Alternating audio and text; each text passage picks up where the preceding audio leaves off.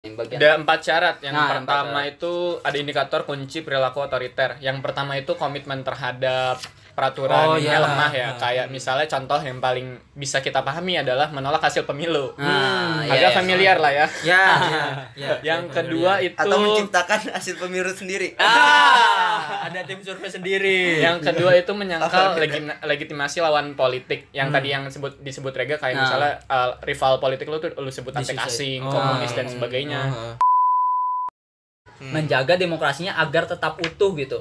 Jadi hal-hal yang yang mungkin menurut kita ya, menurut masyarakat umum itu menja sesuatu yang tidak etis. Untuk apa orang-orang orang-orang pendukung-pendukung itu kayak nggak etis banget sih. Tahu-tahu dijadiin eh, saingannya jadiin menhan gitu. Atau atau misalnya jadiin dijadiin apa dijadiin eh, orang dalam Dapat eh, pemerintahannya gitu. pemangku kepentingan. ah mau kepentingan. Nggak etis banget. Nah sebenarnya tuh itu nggak masalah. Selama intinya tuh agar agar demokrasinya itu selama demokrasinya itu tetap terjaga gitu tetap utuh tidak tidak menjadi pemimpinnya tidak jadi otoriter terus dari eh, apa masyarakatnya pun tidak terpolarisasi dengan kuat gitu. Dan mungkin kalau ngomongin Indonesia yang harus kita jaga jaga, jaga bersama-sama adalah soal politik identitas ya. ya Yang kayaknya setiap gara-gara awalnya tuh gue ngeliatnya gara-gara pilgub DKI. Hmm. Terus yang lain jadi tren gitu loh ngikutin. Kalau di Amerika kan politik identitasnya lebih keras ya. Tapi kalau di Iya. sini agama lebih ngeri lagi. iya Kalau Kalau Amerika itu kan masih rasial. dimainin terus bahkan sampai nanti Pilpres 2024 menurut gue itu kemunduran sih. Tetap jaga kesehatan 3M dan 17M. 17 yang banyak banget. Jangan lupa ceban pertama.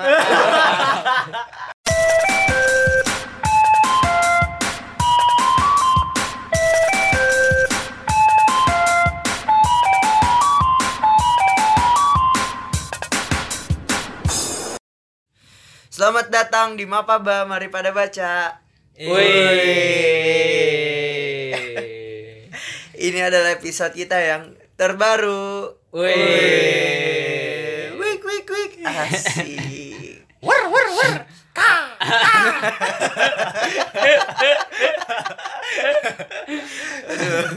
Kambang itu ini ya penjaga penjaga kebudayaan. Yoi. Penjaga seperti kebiasaan. kembali Budayawan gue kita seperti kembali ke Hito. Kembali ke itu. Kembali ke itu formasi lengkap. Lengkap Agak banget. gerah ya. Kita kita AC-nya lagi mati nih. Kebetulan. Studio kita perlu direvisi. Eh, Renovasi. Oh, renovasi. kenapa perlu direvisi? Mungkin lu lagi pusing skripsi. Iya. Banyak revisi. banyak Kan lu gak daftar sidang. Ya. Tidak di meja hijau. Waduh. Serius serius kita mau bahas apa nih? Karena buku serius banget nih. Eh, kita baru saja menyelenggarakan pesta, Pesta demokrasi, demokrasi. loh. Ceritanya kan kita Katanya pesta demokrasi. Kok malah bikin anarki Amani ibu Ah, apa sih? Offside. Offside, offside. Ayo kita demo Amani Astaga, astaga Ibu Ibu Amani. Ibu Ibu Amani. Kaku kan? Sesuai dengan tagline kita Apa? Demokrasi diamani Waduh. Masih lah, enggak, masih. enggak. oh. Jadi kita mau bahas buku apa nih bang nih? Ya yang berbau-bau demokrasi lah. Waduh Mantap. Ini sempat viral buku ini. Ah, karena Ah, karena sa- satu tokoh nasional kita kemarin memposting di tokoh Instagram. gubernur provinsi. Kok nasional sih? Tokoh provinsi. kita sempat memposting foto ini. Hmm. Yang Inisial AB. AB Ahmad. Ahmad Baidun. Waduh Wara dosen loh. Eh dari tadi lu pada ngomongin ini ini mulu. Internal joke semua. Cocok semua kagak ada yang tahu. ya, namanya adalah Bapak Anies Baswedan. Kemarin Yoi. sempat posting di Instagram kita mau bahas buku How, Demokrasi Demokrasi. Die. Bagaimana demokrasi mati? Hmm. Serem banget judulnya ya. Parah. Ngeri Demokrasi mati. Gua sempat Dibunuh oleh demokrasi itu sendiri. banget. Aduh, ngeri banget. apa kok gua- sih anjir respon gue lu merinding banget. Gue Nggak, merinding, aneh banget Gue lu. merinding, Cuk. Parah Demokrasi mati. Kalau dibunuh iya nih demokrasi itu sendiri. Kalau udah mati-mati gini merinding cu Ayo kita tahlilan dulu deh karena udah meninggal nih. nih jadi eh, apa kemarin tuh emang pas update itu gua sempat ini ya lihat postingannya sempat ngikutin tuh postingan Pak Anies ini. Hmm. Gue baca komen-komennya uh, seru banget bre komen-komennya ada yang bagus banget emang apa seseorang itu apa eh, dari bacaannya itu dilihat untuk dari mengecek bacaannya uh, seberapa tinggi literasi masyarakat Indonesia bisa dicek di kolom komentar Ya, Instagram ya, ya. Isinya kayak gimana gak? isinya bagus banget top terus memang seseorang itu dilihat dari uh, bacaannya. Asik. terus sama lagi apa? Ya Ada lagi yang bagus yang dulu cerita apa tuh? yang mana? Oh ya ada ada juga uh, sosok yang bikin mikroblognya tentang buku oh, demokrasi day. Tapi uh, bukan gua menjudge ya. Emang ini kan uh, bagaimana lu cara mandang buku ini ya. Tapi gua ngelihat mikroblog yang dibuat itu dari satu sudut pandang gitu. Hmm, padahal nggak cuma itu isinya. Padahal nggak cuma itu isinya. Dan beberapa poin tuh dilupakan yang malah mengarah ke satu hal. Padahal poin pentingnya itu. Iya. Padahal itu sebenarnya bumbu. Nah, bumbu. Yang utama tuh bukan itu. Apa Wih, tuh? sotoy banget. yang, yang utama itu di halaman belakangnya yang ada foto.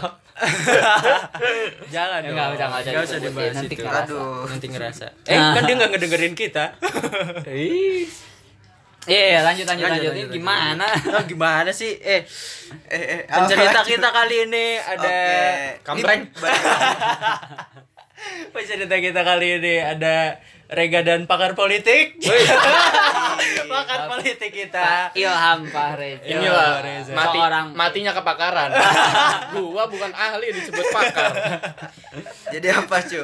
Kemarin Bang Ilham ini udah bahas political Personal branding. Waduh. Sekarang Terus bahas sekarang bahas Democracy How Day. Democracy Waktu itu bahas Iya, Why Nation. Fail. Oh, Why Nation Fail. Gila, politik banget. politisi banget. Politisi sekali. Bahas apa lagi abis ini? Ilham tuh bukan politisi tapi pengamat politik. pengamat politik. Setara, Pak. setara Rocky Gerung. Ah. Buset. Banget. Setara Pagazi. Waduh, internal internal lagi. Tara gonggong gonggong apa? Itu mah sejarawan. Sejarawan. Gak ada isinya 5 menit. Di skip, di skip. Langsung di skip. Mau lewat. Bip bip bip bip. Jangan di skip, jangan di skip. Langsung aja intinya. Jadi nih, Ah. bagaimana demokrasi mati, Cu? Faktor apa aja yang mempengaruhi Yang kenapa? pertama kita mau mengenalkan dulu ya buku Hmm. Bagaimana Demokrasi Mati ini ditulis oleh Stephen Levitsky dan Daniel Ziblatt itu expert di politik ya Nah, di dia- Harvard, ya, Harvard University. Terus juga kita patut berterima kasih kepada Bapak Anies ya. Bukan kita sih penulisnya harus berterima kasih karena karena Pak Anies kayaknya bakal tambah laku nih buku. Iya, benar. Tapi nyari, kan? Terima kasih Pak Anies. Terbitan? Oh ya, terbitan Gramedia Pustaka Utama. Hmm. Tahun GPU, GPU. setahu gue ini terbit pertama kali itu di tahun 2018. Oh. Ih, masih cukup baru ya. Cukup baru. Di depan ini juga mencerahkan dan sangat tepat waktu menurut New York Times Book Review. Iya. Bestseller internasional. Bukunya nggak setebal buku-buku politik biasanya ya, cuma 200 sih, 200 halaman. Hmm. Dan ya laku keras. Hmm. Karena tepat waktu.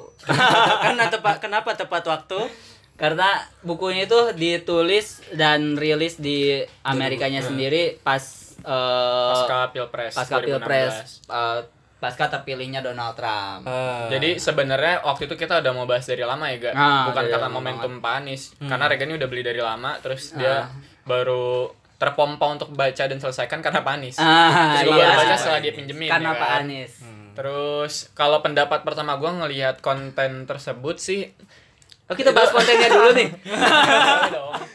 Pas itu kan pas gue ngeliat dia ngupload Pak Anies ngupload itu belum sempat baca bukunya Nah. jadi nggak tahu isi isinya gimana cuma setelah membaca kok seperti Seperti seperti apa? Seperti apa? kok ini nyindir pemerintahan atau nyindir dirinya sendiri Oh. kalau gua pendapat Iya, gua sih iya, itu iya. ya Ah. karena yang gua pahami dari buku ini yang apa argumentasi utamanya itu adalah eh, bagaimana ya presiden Amerika Donald, Trump, Donald Trump. itu merusak nilai-nilai demokrasi yang ada di Amerika yang dua hal yang paling penting itu adalah kalau eh, yang ditulis di situ adalah toleransi ya gak Ah. terus yang kedua itu Kesabaran soal institusi. Kesa- Iya. ya kesabaran institusi. Itu tuh dalam konteks norma istilahnya tuh. ya, Jadi dalam norma tidak tertulis lah Nah, di di apa di setiap demokrasi itu kalau di buku ini ya eh, salah satunya tapi di buku ini condongnya lebih ke Amerika ya. Ya. Eh, di di Amerika itu ada norma tidak tertulis dalam demokrasi dan di Amerika itu dua norma itu adalah itu toleransi dan eh, kesabaran institusi menahan diri Iya, secara menahan. kelembagaan di sini kalau menahan terjemahannya ya. diri. Eh, Nah, lengkapnya itu apa itu toleransi dan menahan diri? Toleransi dan menahan diri itu lebih ke bagaimana ke posisi lu ketika lu menang gitu sebenarnya. Jadi ketika misalnya nih salah satu partai kan di kita tahu lah Amerika tuh ada eh, Republik dan Demokrat. Demokrat ya. Hmm, Nah, partainya Pak SBY. Nah, yang, yang, yang update ya, sepertinya Demokrat akan berjaya karena Joe Biden menang kemarin. iya dan yang yang toleransi ini maksudnya adalah ketika ketika lu menang eh, partai yang menang ini ya eh, pak partai yang kalah ini memberi bertoleransi gitu. Hmm. Yang kalah bertoleransi, yang menang bertoleransi terhadap eh, partai yang kalah ataupun yang ber- yang bersa- bersaingan itu gitu. Toleransi ini dalam artian bagi-bagi kursi. Eh bukan sebenarnya lebih ke ya menerima gitu, yang menerima menerima oh ya udah lu menang, ya udah selesai gitu. Lah kan yang lebih menang. ke situ. Enggak ya maksudnya tuh Oh. toleransi itu lebih ke situ kayak oh lu menang ya? Udah nggak nggak nggak memperkeruh suasana perpolitikan di nasional. Yang yang kalah tidak memperkeruh dan yang menang pun tidak mempersulit kondisi dari yang kalah ketika nanti akan menuju ke pilpres selanjutnya. Seperti Banget. itu. Wah, keren banget. it- itu norma-norma itulah yang harusnya dijaga oleh setiap eh, partai ataupun oleh politik politisi di eh, nasional di Amerika pada saat itu. Iya, Tapi Donald Trump malah mendobrak semuanya. Eh, kenapa gue mikirnya jadi bercermin kayak nyindir diri sendiri? Soalnya gue ingat ketika kampanye waktu itu ini ya Anis Sandi ya, itu kan Hmm. banyak akhirnya yang maksud gue menerobos eh, apa ya nilai-nilai demokrasi gitulah yang lebih banyak main di politik identitas karena Hmm. ketika baca buku ini gue langsung yang keinget tuh ya kampanye waktu itu pas pilgub DK yang polarisasi di mana-mana Iya, terus iya. apa orang-orang ekstremis malah diajak ke dalam satu koalisi yang bareng gitu buat menangin Hmm. satu calon itu dan gue ngeliat malah lebih malah ngarah waktu itu tim Ah. kampanye Anis Sandi ya Hmm. ketika baca buku ini Nah, mungkin ada yang terlewat sih sebenarnya dari pembahasan yang tadi kan langsung loncat ke masalah ini ya normanya sebenarnya Hmm. di buku ini di bagian awalnya banget di bagian iya. awal banget dia tuh memberikan ciri-ciri kayak Ciri-ciri. eh, pemimpin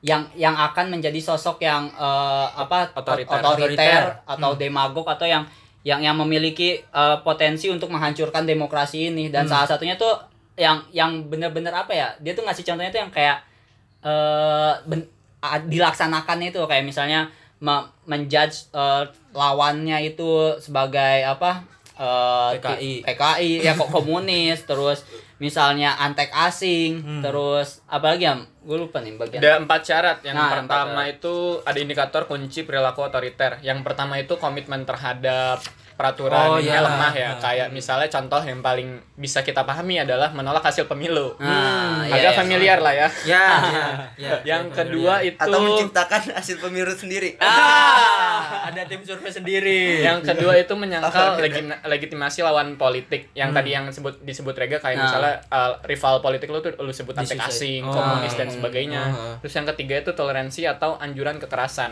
Hmm, Itu lebih ke menganjurkan. normalisasi ke apa ya? Pengikut tuh kalau melawan kekerasan ya nggak apa-apa gitu. Nah. Terus yang keempat adalah membatasi kebebasan sipil lawan termasuk media. Hmm. Jadi di empat syarat itu semuanya dipenuhi sama Trump dan tidak ada Nah. dalam sejarah Amerika satu presiden pun yang memenuhi empat empat dari indikator indikator otoritarian ini. Nah, Cuma Trump doang tuh yang empat Cuma Trump, ya? cuma Trump. Lainnya cuma tiga gitu. Iya, iya, Tiga iya. setengah.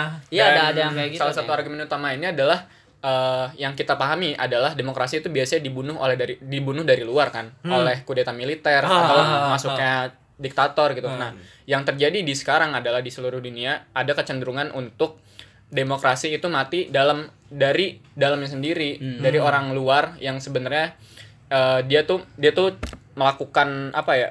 eh, pengembosan tapi lewat cara demokrasi sendiri. Nah, Padahal sih kayak contoh Donald Trump ini juga sebenarnya kan bukan orang politik kan dulu, tapi masuk dari luar terus di- diterima di dalam karena tokohnya populis, terus bisa menghadirkan kemenangan, tapi dia maksud gua menghadirkan suatu kondisi yang ekstrim gitu, yang akan kayak ngomong ngasal ya kan, mencaci iya. maki juga, rasis juga ya kan. Dan tapi karena kebutuhan kemenangan akhirnya diambil padahal itu ekstremis sebenarnya. Hmm, segala cara ya Segala dilakukan. Terus gimana tentang yang toleransi yang diomongin Kempreng tadi? Kan tadi yang dimaksudkan toleransi yang ya, yang menang menghormati yang kalah, yang kalah menghormati yang menang. Terus gimana dengan toleransi yang bagi-bagi kursi, yang menang apa yang kalah minta kursi, yang menang ngasih kursi? itu bukannya apa toleransi juga kan saling menghormati ya kan apa itu juga toleransi yang membunuh demokrasi Enggak sebenarnya sih atau melahirkan oligarki Kalau menurut gue tuh strategi bagi-bagi kursi itu tuh untuk menjaga keseimbangan demokrasi sebenarnya bang.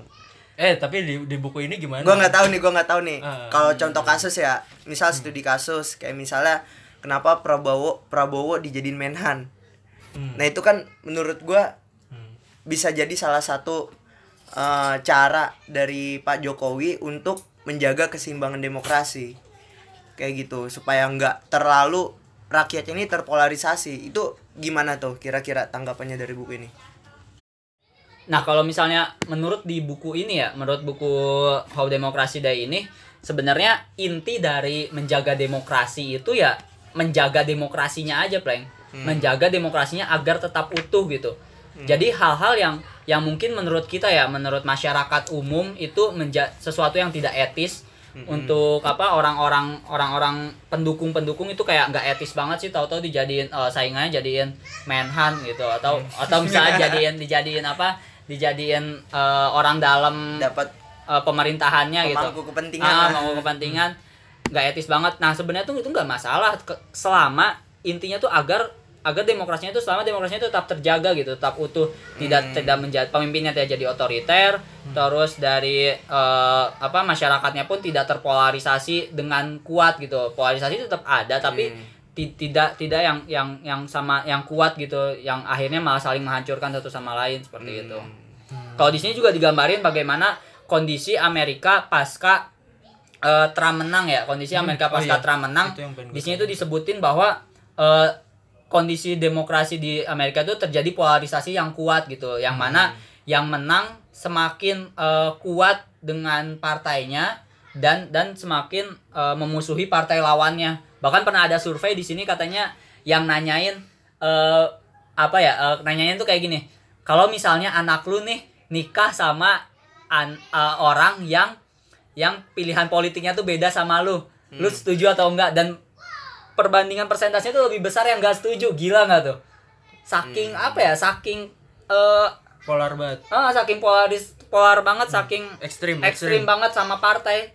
Nyampe kayak gitu. Hmm. nyampe kalau misal pilihan partainya beda nggak disetujuin Tapi lu sa- bakal setujuin gak gak? Hah? Kalau misalnya calon mantu lu beda politik setuju lah gua itu kan masalah pemikiran ya kebebasan kebebasan memilih bro Gak lo katain kafir. ah ya ya- oh iya tergantung tergantung partai ya Sebenarnya kayaknya eh, kayaknya dia yang dikatain kafir tuh. sebenarnya Plank kalau ngebahas rival sih eh, teruntuk terkhusus yang bagi-bagi kursi konteksnya yang kayak di Indonesia sebenarnya nggak terlalu dibahas. Hmm. Yang dibahas justru adalah salah satunya adalah itu penghilangan dari penghilangan pemain ya. Maksudnya eh, ketika lu punya rival politik ju- justru itu malah lu penjarain. Ah, Jadi iya. dia udah nggak bisa main ibarat main bola nih, lu udah menang tapi lu udah menang terus nih tapi dia udah nggak boleh main lagi udah malas main lagi karena semua aturan udah lu udah lu pegang wasitnya udah lu pegang dan ya be- bener kata Rega yang tadi gitu yang paling penting di sini adalah menjaga nilai-nilai demokrasinya. Kan yang dibahas di sini tuh banyak konteksnya tuh di di Amerika kan. Yang selama ini kita tuh kalau ngomongin demokrasi kiblatnya adalah yang paling baik dan yang paling tua adalah Amerika Serikat. Tapi ternyata pasca kemenangannya Trump itu itu tuh dilihat udah udah banyak yang diterobos gitu.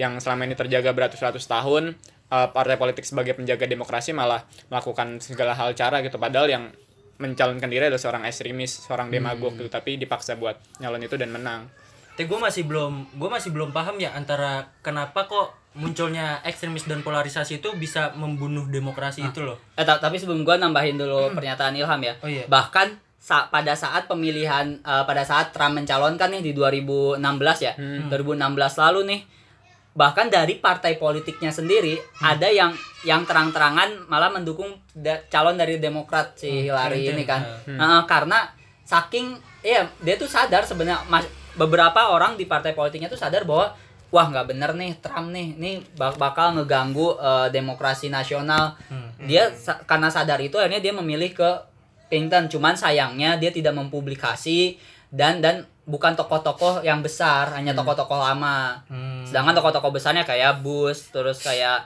yang yang yang lebih yang besar dulunya Tidak. mereka eh, mendukung. Tidak mempunyai kemampuan untuk agitasi. Nah, yang kemampuan Remah, remah, lemah remah.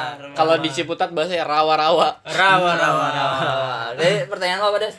ya apa hubungannya gitu antara polarisasi yang ekstrim itu sama matinya demokrasi itu loh? Gue masih belum kan setahu gue kan demokrasi ya yang pemimpin otoriter segala macam. Nggak ada yang masyarakat yang polarisasinya itu tuh nggak ada gitu. Yang kalau misalnya gue lihat kayak Hitler Soeharto itu kan benar-benar pemimpin yang otoriter sedangkan di bawahnya itu tuh Demokratis. iya tapi gua tapi gue sepakat nih cu kenapa polarisasi yang ekstrim itu bisa menyebabkan demokrasi yang mati? Heeh. karena menurut gua ada ada satu pernyataan keren sih dari Presma UIN Jakarta ya kan? Asik.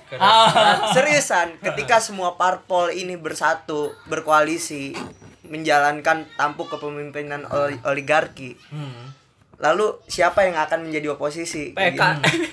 nggak ada nggak ada yang menjadi oposisi nggak ada yang nggak ada yang menjadi Ada, nggak ada yang ada. menjadi PKS. pengawas Selalu.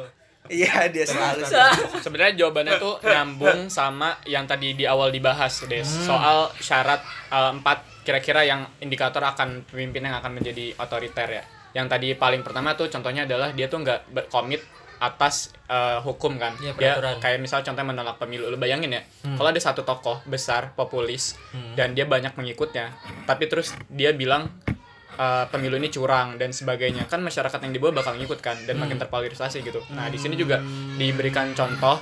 Gue yang paling inget banget contohnya adalah itu di Filipina Eh, zamannya Ferdinand Marcos kalau nggak salah. Itu kan dia sebenarnya eh, udah dibatasi ya konstitu di- oleh konstitusi, konstitusi dia tuh cuma merintah dua periode.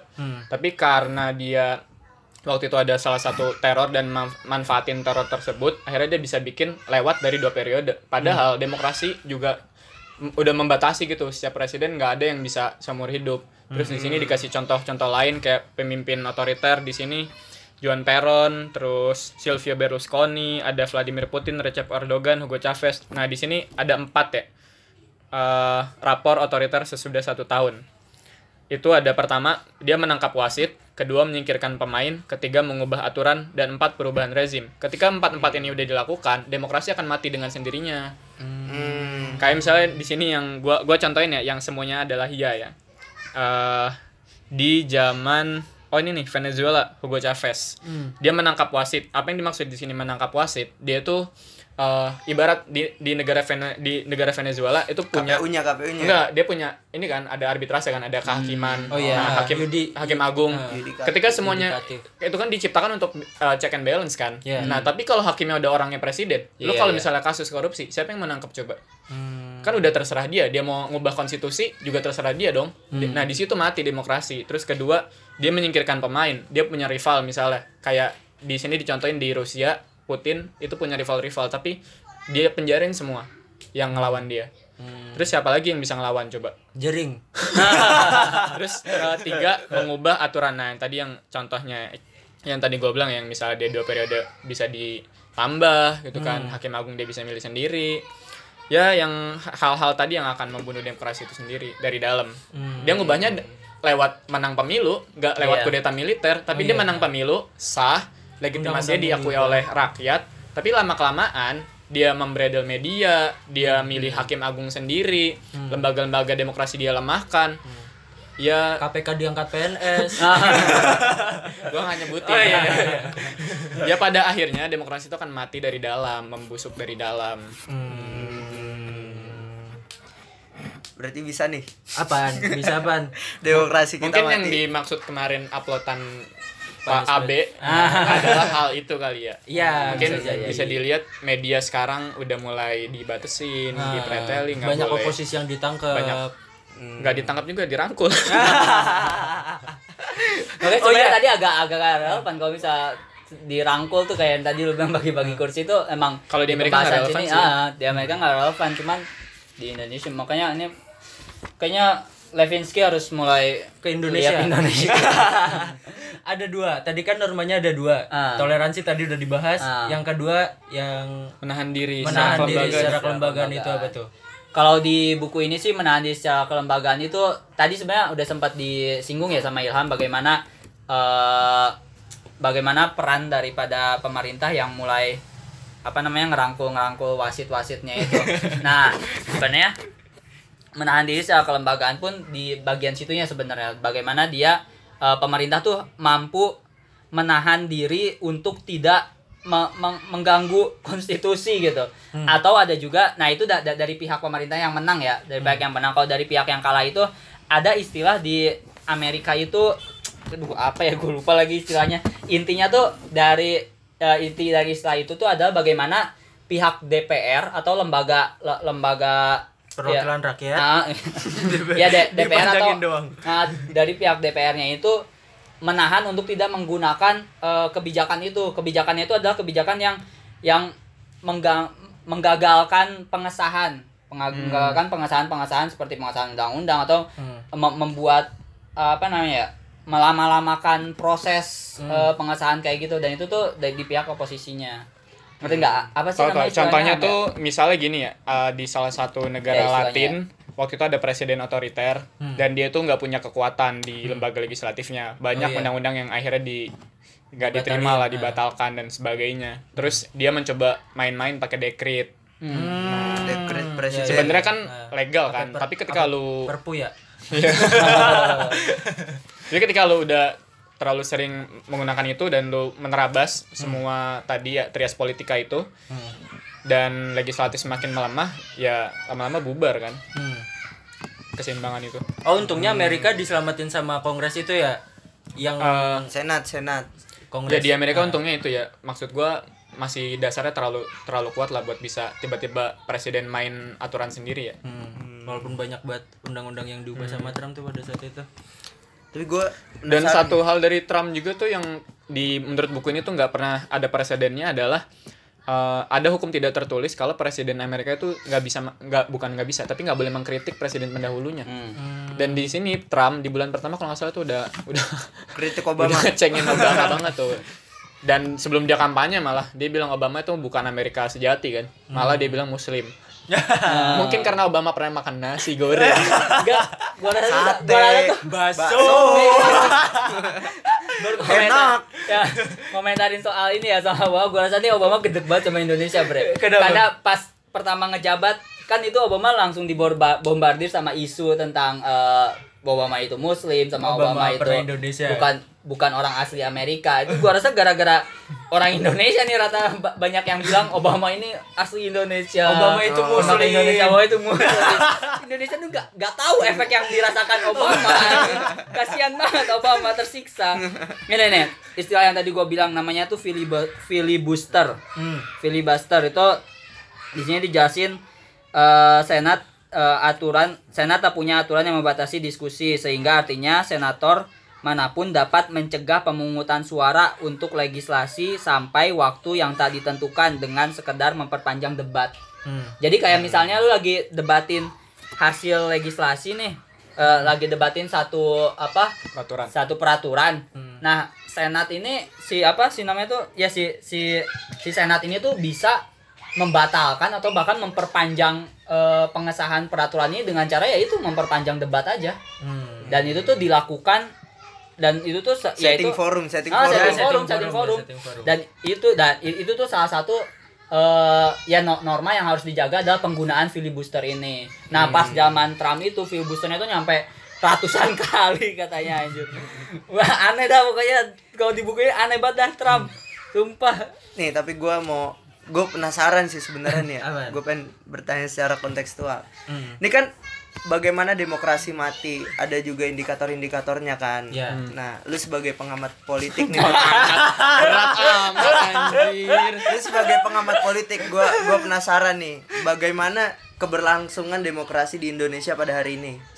Menarik pernyataan eh Wah, pertanyaan anjir. ini. Penting Wah, banget. Rega, Penting Rega banget, udah nafsu banget.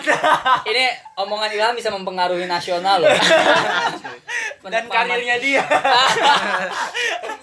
Sebagai pengamat politik. Mas Ilham masih Enggak, enggak. nungguin pengumuman ya?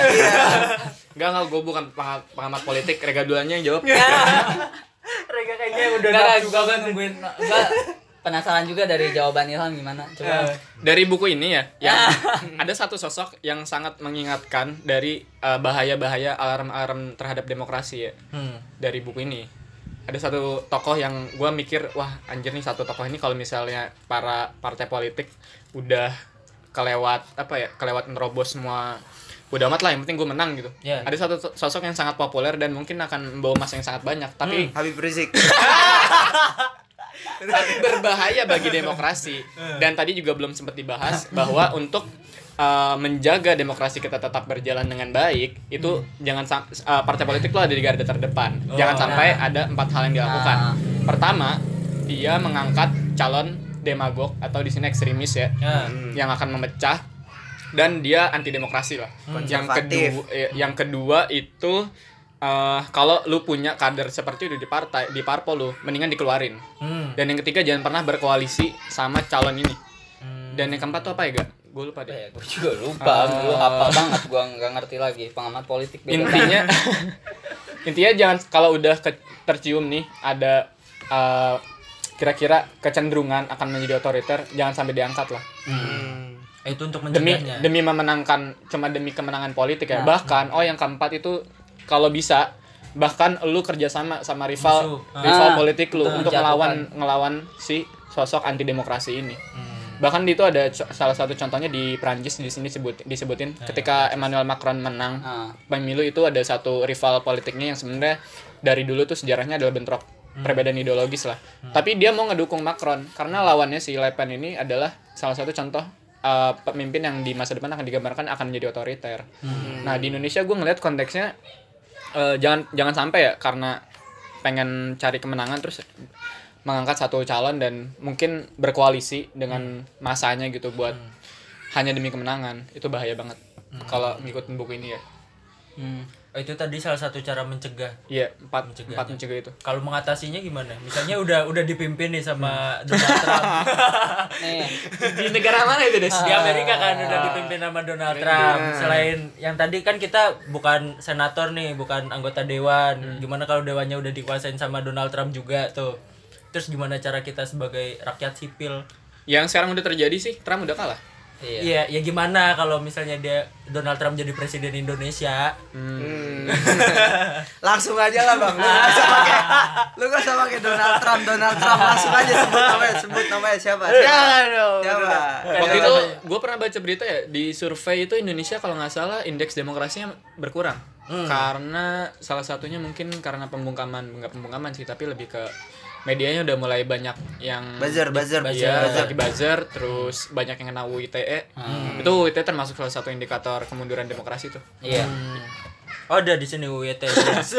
ada a- ada pembahasan terkait ini sih terkait undang-undang yang membatasi eh, berkomentar ya yang yang yang hampir mirip sama kayak UU ITE dan itu ken- kenapa bisa menjadi seperti itu karena eh multi tafsir Hmm. eh, hal yang seperti apa yang melanggar hal yang seperti apa yang yang apa yang yang buruk seperti itu multi tafsir jadi malah pada akhirnya yang awalnya tujuannya untuk menegakkan hukum malah menjadi alat untuk eh, mengkriminalisasi Hmm, mengkriminalisasi kriminalisasi nih. ah, Dan melanggengkan kekuasaan. ah, melanggarkan kekuasaan Di Indonesia sih belum terlalu ada alarm bahaya sih gue ngelihatnya ya. Ah, ah. Cuma kan udah sering kriminalisasi. Itu kan persepsi. tapi gue sebenarnya agak eh, apa ya karena emang kondisi dunia saat ini ya yang yang kita tahu era disruptif eh, mungkin gue sering banget ngomongin soal ini ya era disruptif di mana ya nggak eh, semua orang tuh bisa jadi wartawan semua orang bisa menjadi Oh, sumber iya. informasi Ah, ah. semua orang bisa menjadi eh, sosok yang yang dianggap menyebarkan informasi nah Hmm. tinggal masalahnya tuh informasi informasinya tuh benar atau salahnya aja gitu. Nah ini poinnya sebenarnya yang yang yang gua rasa sebenarnya UU ITE itu mungkin harus ada, cuman eh, bagaimana eh, peraturan ini agar tidak menjadi alat itu loh yang yang jadi penting. Karena memang hoax kalau misalnya dibilang media menjadi sumber hoax terbesar menurut gua itu benar, cuman masalahnya adalah ya ini pengaturan di medianya sih menurut gua pada akhirnya ya. Hmm. ya karena ya mungkin bro maksudnya tuh media tuh mungkin banget anjing jadi sumber hoax menyebarkan hoax. Cuman ya pada akhirnya ya itu mah Belum masyarakat Itu jadi di- bingung Itu bro malah diperlukan. Kalau di sini belum separah Ah, ah. Trump sih gua. Iya. Gua ingatnya yang tadi soal media itu Trump sampai yang menyebut media-media di Amerika yang udah bahkan po- populer Iya, dan iya, ternama iya. tuh sebagai musuh Nah. rakyat Amerika. Mm-mm. Terus lawannya Hillary Clinton, dia mau penjarin Hillary Clinton coba. sama ini apa Amazon, pemilik Amazon. Pemimpin Amazon Jeff Pemilik Bezos. Jeff Bezos. Mau dipenjarain sama Trump. Lihat aja kalau Kalau- misalnya gua ngejabat kata Trump. Mereka akan tumbang.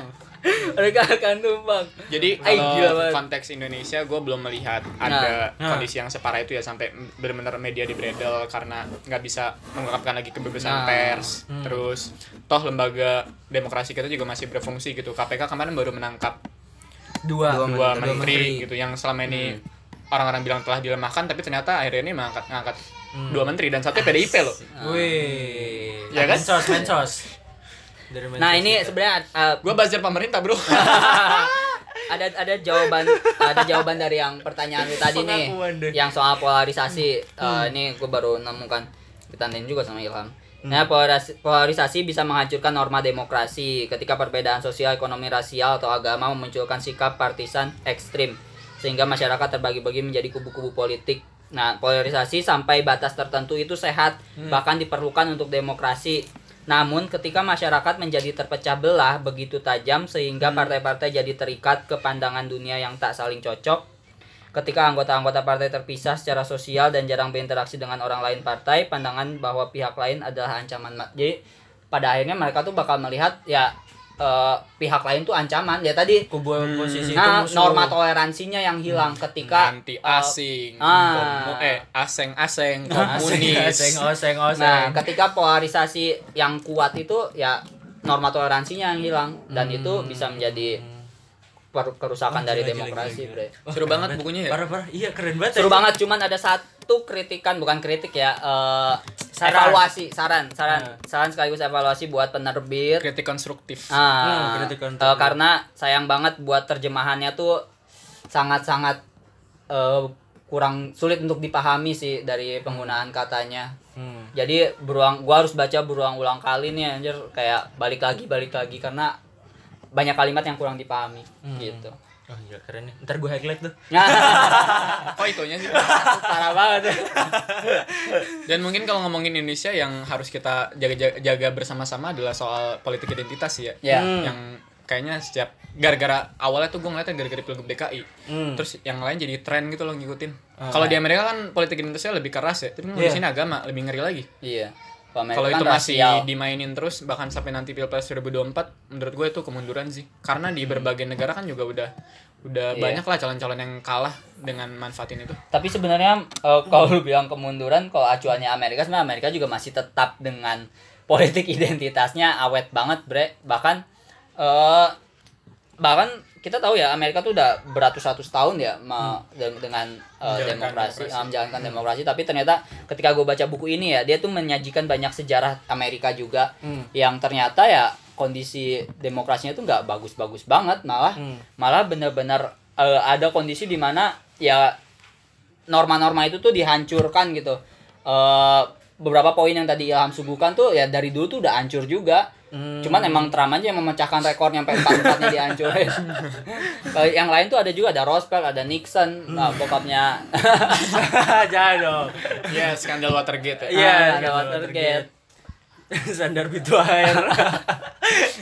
banyak banget sebenarnya maksudnya eh, bahkan norma ra- rasial ini pun di Udah Amerika dari tuh lama. baru Hmm. baru selesai ketika bukan selesai Obama malah ya? Pak. iya ketika Obama jadi sebenarnya Amerika eh, keturunan Afrika Amerika di Amerika itu bisa nyoblos tuh udah dari lama cuman pada satu kepemerintahan tuh gue lupa pemerintahan siapa ya Roosevelt atau Nixon gitu dia tuh menciptakan aturan yang menyulitkan Hmm. jadi karena eh, kalau katanya kalau di sini tuh orang Afrika Amerika ini tuh keturunan kulit hitam ini tuh dia tuh lebih condong kepada Demokrat. Jadi Pak or- eh, Republik yang waktu itu memimpin dia tuh membuat Bikin aturan undang-undang. eh, eh, aturan yang menyulitkan dari orang-orang ini. Yang mana dia lihat bahwa oh orang Afrika orang-orang kulit hitam ini tuh ternyata mereka rata-rata nggak punya kartu penduduk, Hmm. rata-rata nggak nggak bisa nulis, nggak bisa baca tulis, buta huruf. Jadi syaratnya tuh cuma satu, cuma disuruh punya ka- cum- cuma disuruh punya kartu penduduk atau enggak bisa baca. Hmm. Intinya dipersulit Ah, biar dia nggak dipersulit. bisa ngasih suara Ah. Republik yang menang. Hmm. Nah, Rasis makanya da- ya. da- dari situ tuh dari situ udah susah tuh ternyata Republik yang menang terus karena ternyata bener aja cuma dikit yang milih Demokrat kalau kalau dilihat dari situ ya. Tapi buku ini keren banget sih menurut gua apalagi buku ini lagi hype sekarang. Mungkin bisa jadi di 2004 banyak yang menggunakan 2004. cara-cara 2004 siapa yang juara Euro? 2024. Di 2024 Yunani. Tahun Ya, keajaiban. di Bang tahun Gondas, pemain Inggris siapa? Anjing, Beckham. Yo, Eh, Tahu gua main Inggris. ya, 2024. Iya di 2024 mungkin ada aja gitu yang politisi yang menggunakan cara-cara yang kayak Trump apalagi habis baca buku ini ih Trump aja bisa jadi gue bisa kali gitu. mungkin ada baiknya para pendengar membaca buku ini agar tidak dibodoh-bodohi Nah. oleh politikus yang seperti itu Benar. atau apa misalnya politikus yang mendengar ini ya mungkin jangan seperti itulah Kita kan tersanjung banget kalau didengar politisi. Iya. Tapi siapa gue. Politisi kampus. tapi, tapi ini sih bre gue sebenarnya agak kaget sih ketika eh, bukan kaget sih ke- eh agak kaget ketika melihat mikroblog yang tadi gue bahas ya. Ternyata oh jadi orang tuh gue gue sadar gue dari situ gue sadar ternyata orang tuh melihat dan dan dan menuliskan sesuatu yang emang mereka yakini gitu Ya. bre maksudnya tuh kayak menurut gue ya ini yang benar gitu. Ya udah dia tulisinnya bagian itu aja tapi dia lupa dengan bagian belakangnya yang yang ngebahas tentang apa faktor-faktor Iya yang kayak pemimpin. identitasnya, politik identitas dan segala macemnya. Sayang aja gitu berarti jadi bukunya tuh pada akhirnya tetap aja jadi jadi alat apa ya? Jadi iya, alat. jadi malah malah bukan bukan bukan mendukung Tapi satu hal yang positif sih menurut gua adalah jadi membu apa ya? eh, menumbuhkan orang-orang buat baca buku aja sih. iya. Bagus aja gitu. Terima kasih Pak Anies Terima kasih Pak Anies. Jadi orang-orang perbincangannya ke buku kan keren Iya, banget. keren banget Gue ngelihat malah gua, kalau tadi Dan Ilham dan bilang bisa bikin penjualannya naik loh. iya parah banget kalau tadi Ilham bilang apa eh, postingan Pak Anies itu menunjukkan eh, kritik ya. Kalau gue malah ngelihat kayak deklarasi kalau deklarasi politiknya Pak Anies kayak bilang gue udah nggak bakal koalisi sama lu lagi nih gitu. Gua nggak tahu dah Nggak tahu. Mungkin masih ya, banyak mungkin lah, ya. masih banyak Banyak pesan lah. tersirat. iya Ya. banyak karena Multi captionnya aja cuma selamat pagi doang. Mm-mm. banyak lah itu kan namanya Emang keren banget politik. Pak Anies. Politik. Keren Gokil, banget Pak Anies top. Love you Pak Anies. Ya semoga cepat sehat Pak Anies dari COVID-19 Dan Pak. Wagub Iya. juga. Pak dan Pak yang lagi dicari-cari. Hah? Offside, Inisial, inisial. Ini sih ya, aku gak nyebut loh. Hah? Eh gue simpatisannya loh. Siapa sih, Pan? Nggak nggak tahu gue juga. Kita berterima kasih banyak sama Pak Anies loh. Kita angkat Pak Anies jadi duta baca gimana? Wih. Duta Mari pada baca. Duta mari pada baca. Bisa Kan udah mana juga Sihab. Oh, Iya, siap. Keren lebih keren. Siap. Dia lebih influence padahal Pak Anies. enggak. Enggak siap top. Cakep anjir. Ya, dari cakepnya. Ya, terima kasih. Oh, itu pertanyaan terakhir dong. Nah, Rating nggak usah ditanya lah, ngapain lu pakai ditanya rating dan Rating. kenapa? Rating dan Kenapa? kenapa harus baca buku ini? lu Am, berapa? Pega dulu lah. Oke, gua karena gua yang punya bukunya. Menurut gua buku ini ratingnya 8 karena minusnya tuh di translatean sih karena gua ini ya baca yang translatean 8. Tapi buku ini tuh recommended banget buat dibaca karena eh dari buku ini lu bakal dapat kesadaran politik yang lebih tinggi gitu. Lo bisa belajar banyak dan lu bisa ini jadi alarm lah. Alarm buat lu eh, agar kenal dengan orang-orang yang nanti akan terjun ke dunia politik itu loh kayak Hmm. oh dia nih dari sudut pandang ini kayaknya bakal menghancurkan demokrasi nih udah gak usah dipilih kayak gitu. Hmm. Itu sih dan gue lihat sebenarnya buku ini juga menceritakan tentang bagaimana Machiavelli eh, apa ilmu-ilmu dari. Machiavelli dipraktekin ya. Diterapkan. Heeh. Hmm. Bener-bener anjing nih Machiavelli banget. Sih itu.